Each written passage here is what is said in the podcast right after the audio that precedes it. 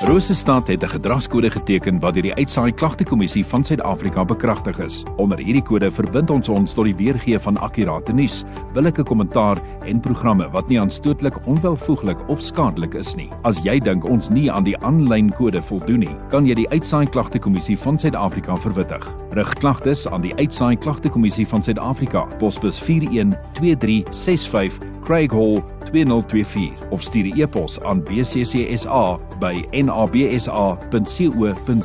Vir verdere inligting, besoek www.bccsa.co.za.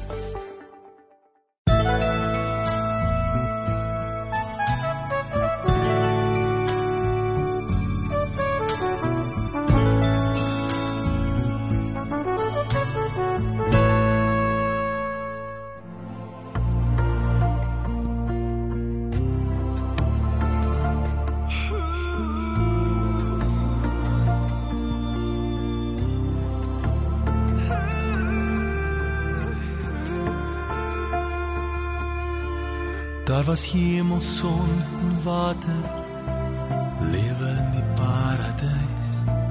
Na die sondeval en storms het die ark veilig gedryf. Goliat val voor Dawid. Moses verdeel die see. Die beloofde land verlossing. Tien gebooie vir ons gegee. Daar. U was nog altyd daar. U is daar vir elkeen wat op sy knieë gaan. Want elkeen wat die waarheid soek, sal u daar vind. U is daar. U was nog altyd daar.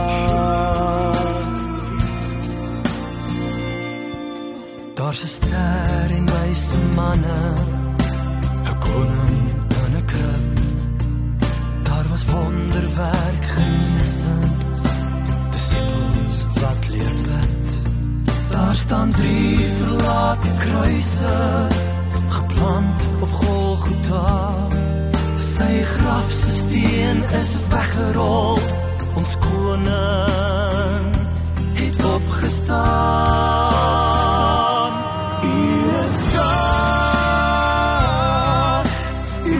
Nog altyd daar.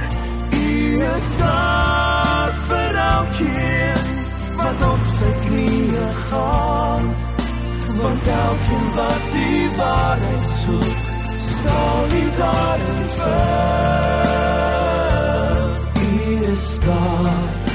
U was nog altyd daar. Altyd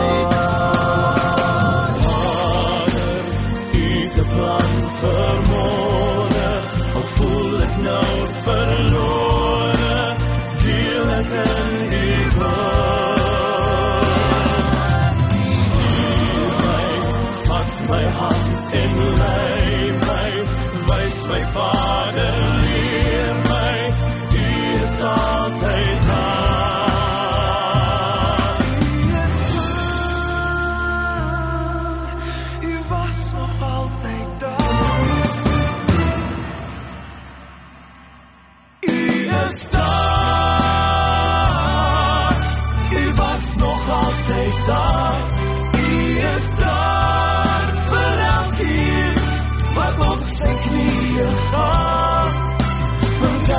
wat die waarheid soek, sal nie daarin vind. U is daar, u was nog altyd daar. U is daar, u was nog altyd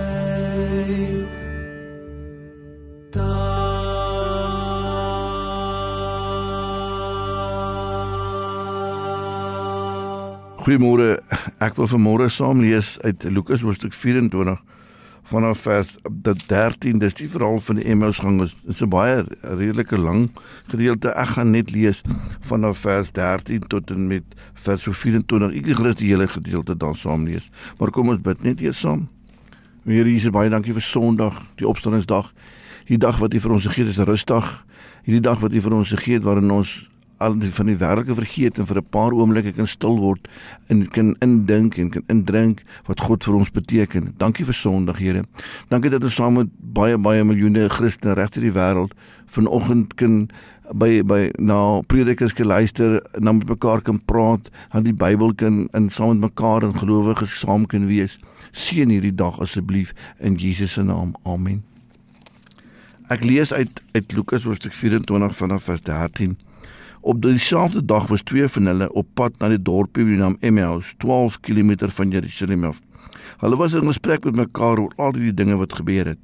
Terwyl hulle so gesels en gedagtes wissel, het Jesus self nader gekom en met hulle saamgeloop, maar hulle oë is verhinder om hom te herken. Hy vra hulle toe: "Wat is dit wat julle so ernstig met mekaar loop en bespreek?" Met somber gesigte gaan hulle staan en een van hulle met die naam Kleopas antwoord hom: Is u dan nie die enigste vreemdeling in Jerusalem dat u nie weet van die dinge wat in die afgelope tyd daar gebeur het nie?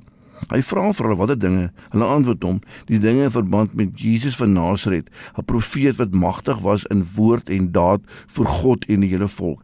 En hoe ons priesterhoofde en die lede van ons raad hom oorgelewer het om ter dood veroordeel te word en hom gekruisig het Ons het so gehoop dat hy is wat Israel se verlos, maar boonop is dit vandag al die derde dag vanaf die dinge gebeur het en nou het 'n paar vroue uit ons kring ons ook nog ontstel.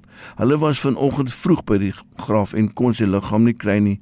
Hulle het hom vertel dat hulle verskeie gesien het van engele wat gesê het hy lewe. Sommige van ons het ook na die graf toe gaan en net so gekry soos die vroue gesê het, maar hom het hulle nie gesien nie.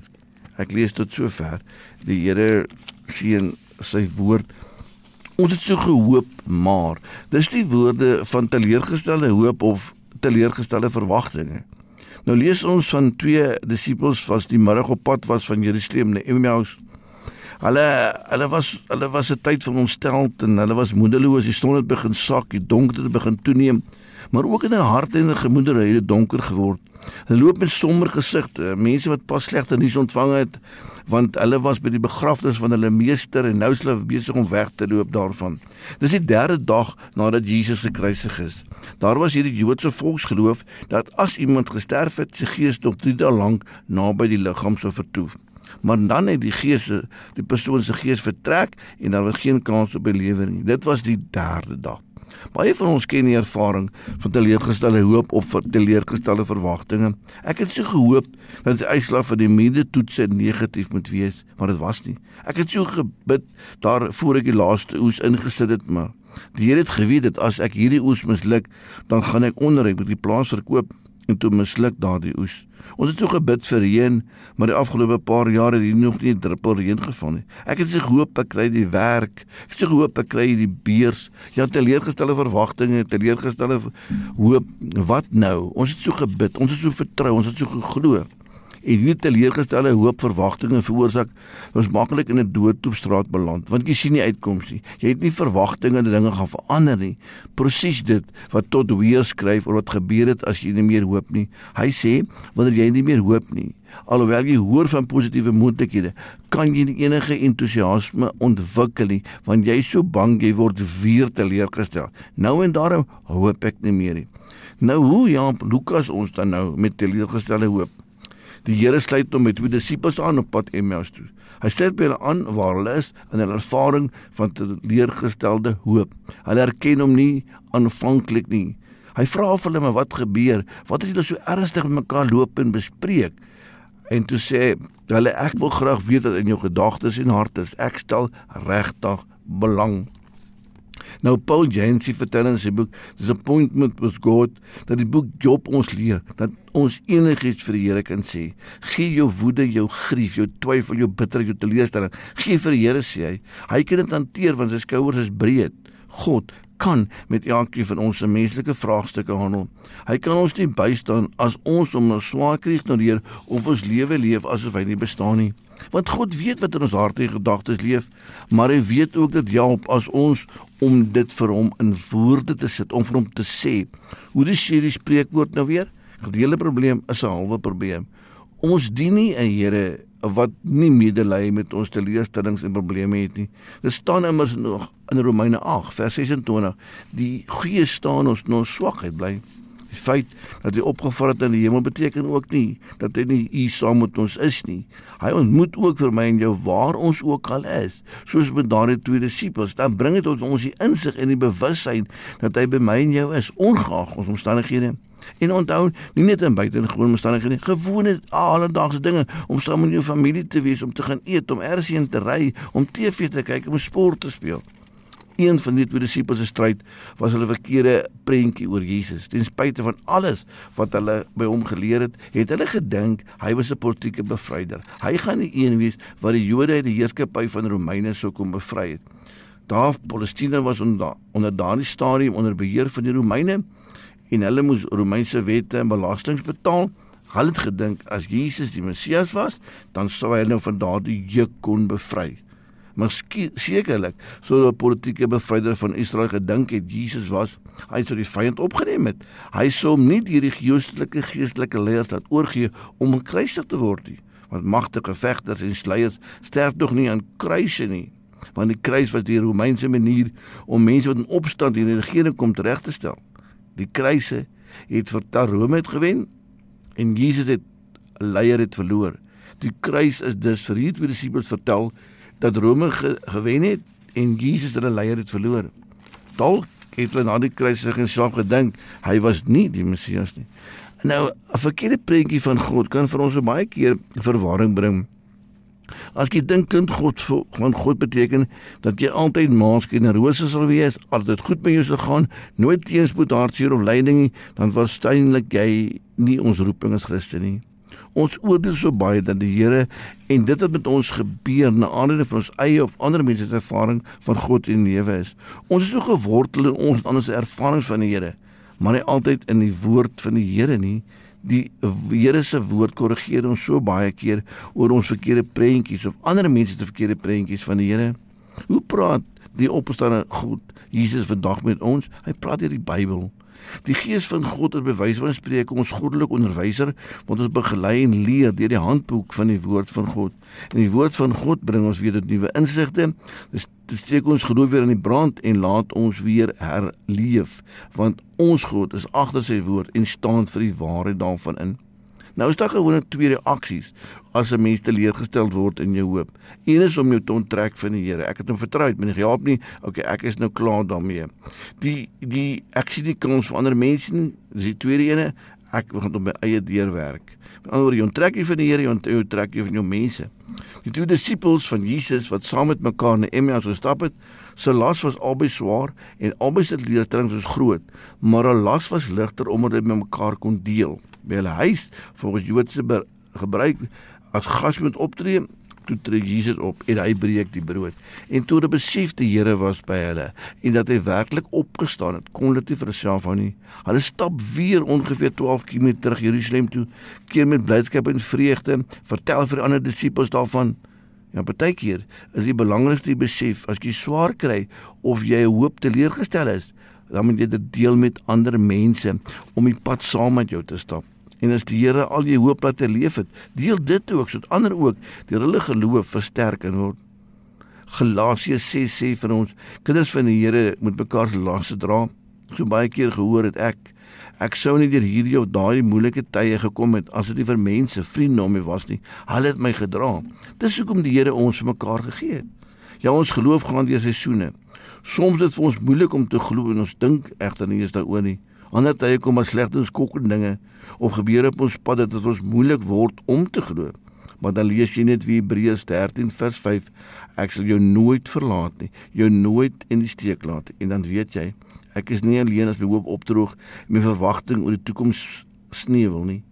Annie Dillard gebruik die mooi woord om te verduidelik wat moeilike en donker tye in ons lewens kan doen. Sy sê jy hoef nie buite in die donkerte te sit Alhoewel, as jy na sterre wil kyk, moet daar donker te wees. Die donker tye in ons lewens is baie keer die agtergrond waarteen ons geestelik die sterre weer duidelik lees sien. Die omgee van vriende, die lig van die skrif, die troos van die gees en die teenwoordigheid van God, ons Vader. Baie dankie Here God dat U vir ons 'n goddelike Vader is en dat U alles van ons weet en dat ons elke dag daarmee wil help. Dankie dat ons dit vas kan glo uit die beloftes van U en dankie dat U nog nooit 'n belofte nie nagekom het nie. Amen.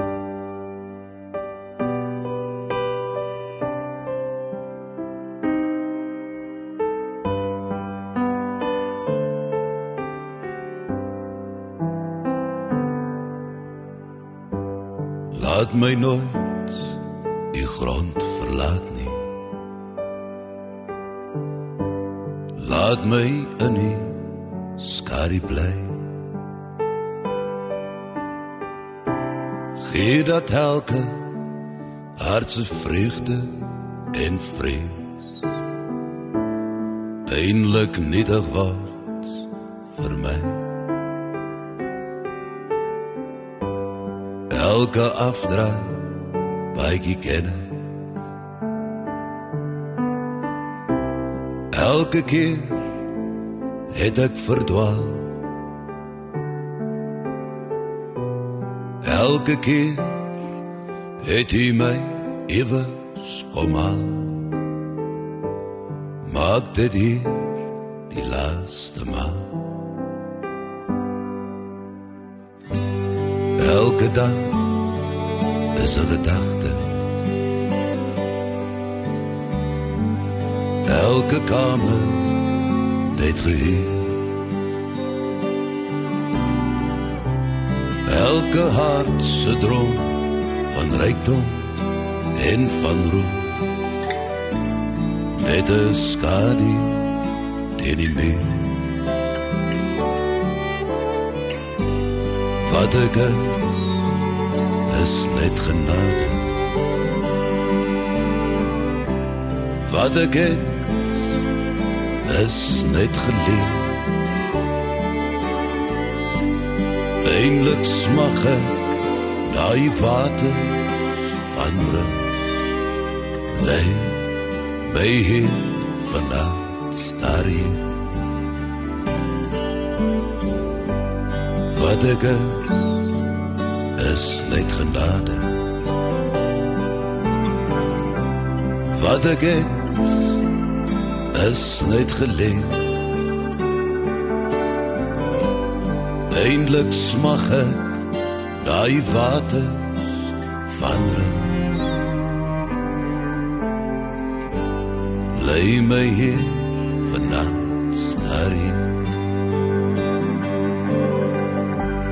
Eindelik smag ek daai water van rus. Lei my hier vanaand daar hier.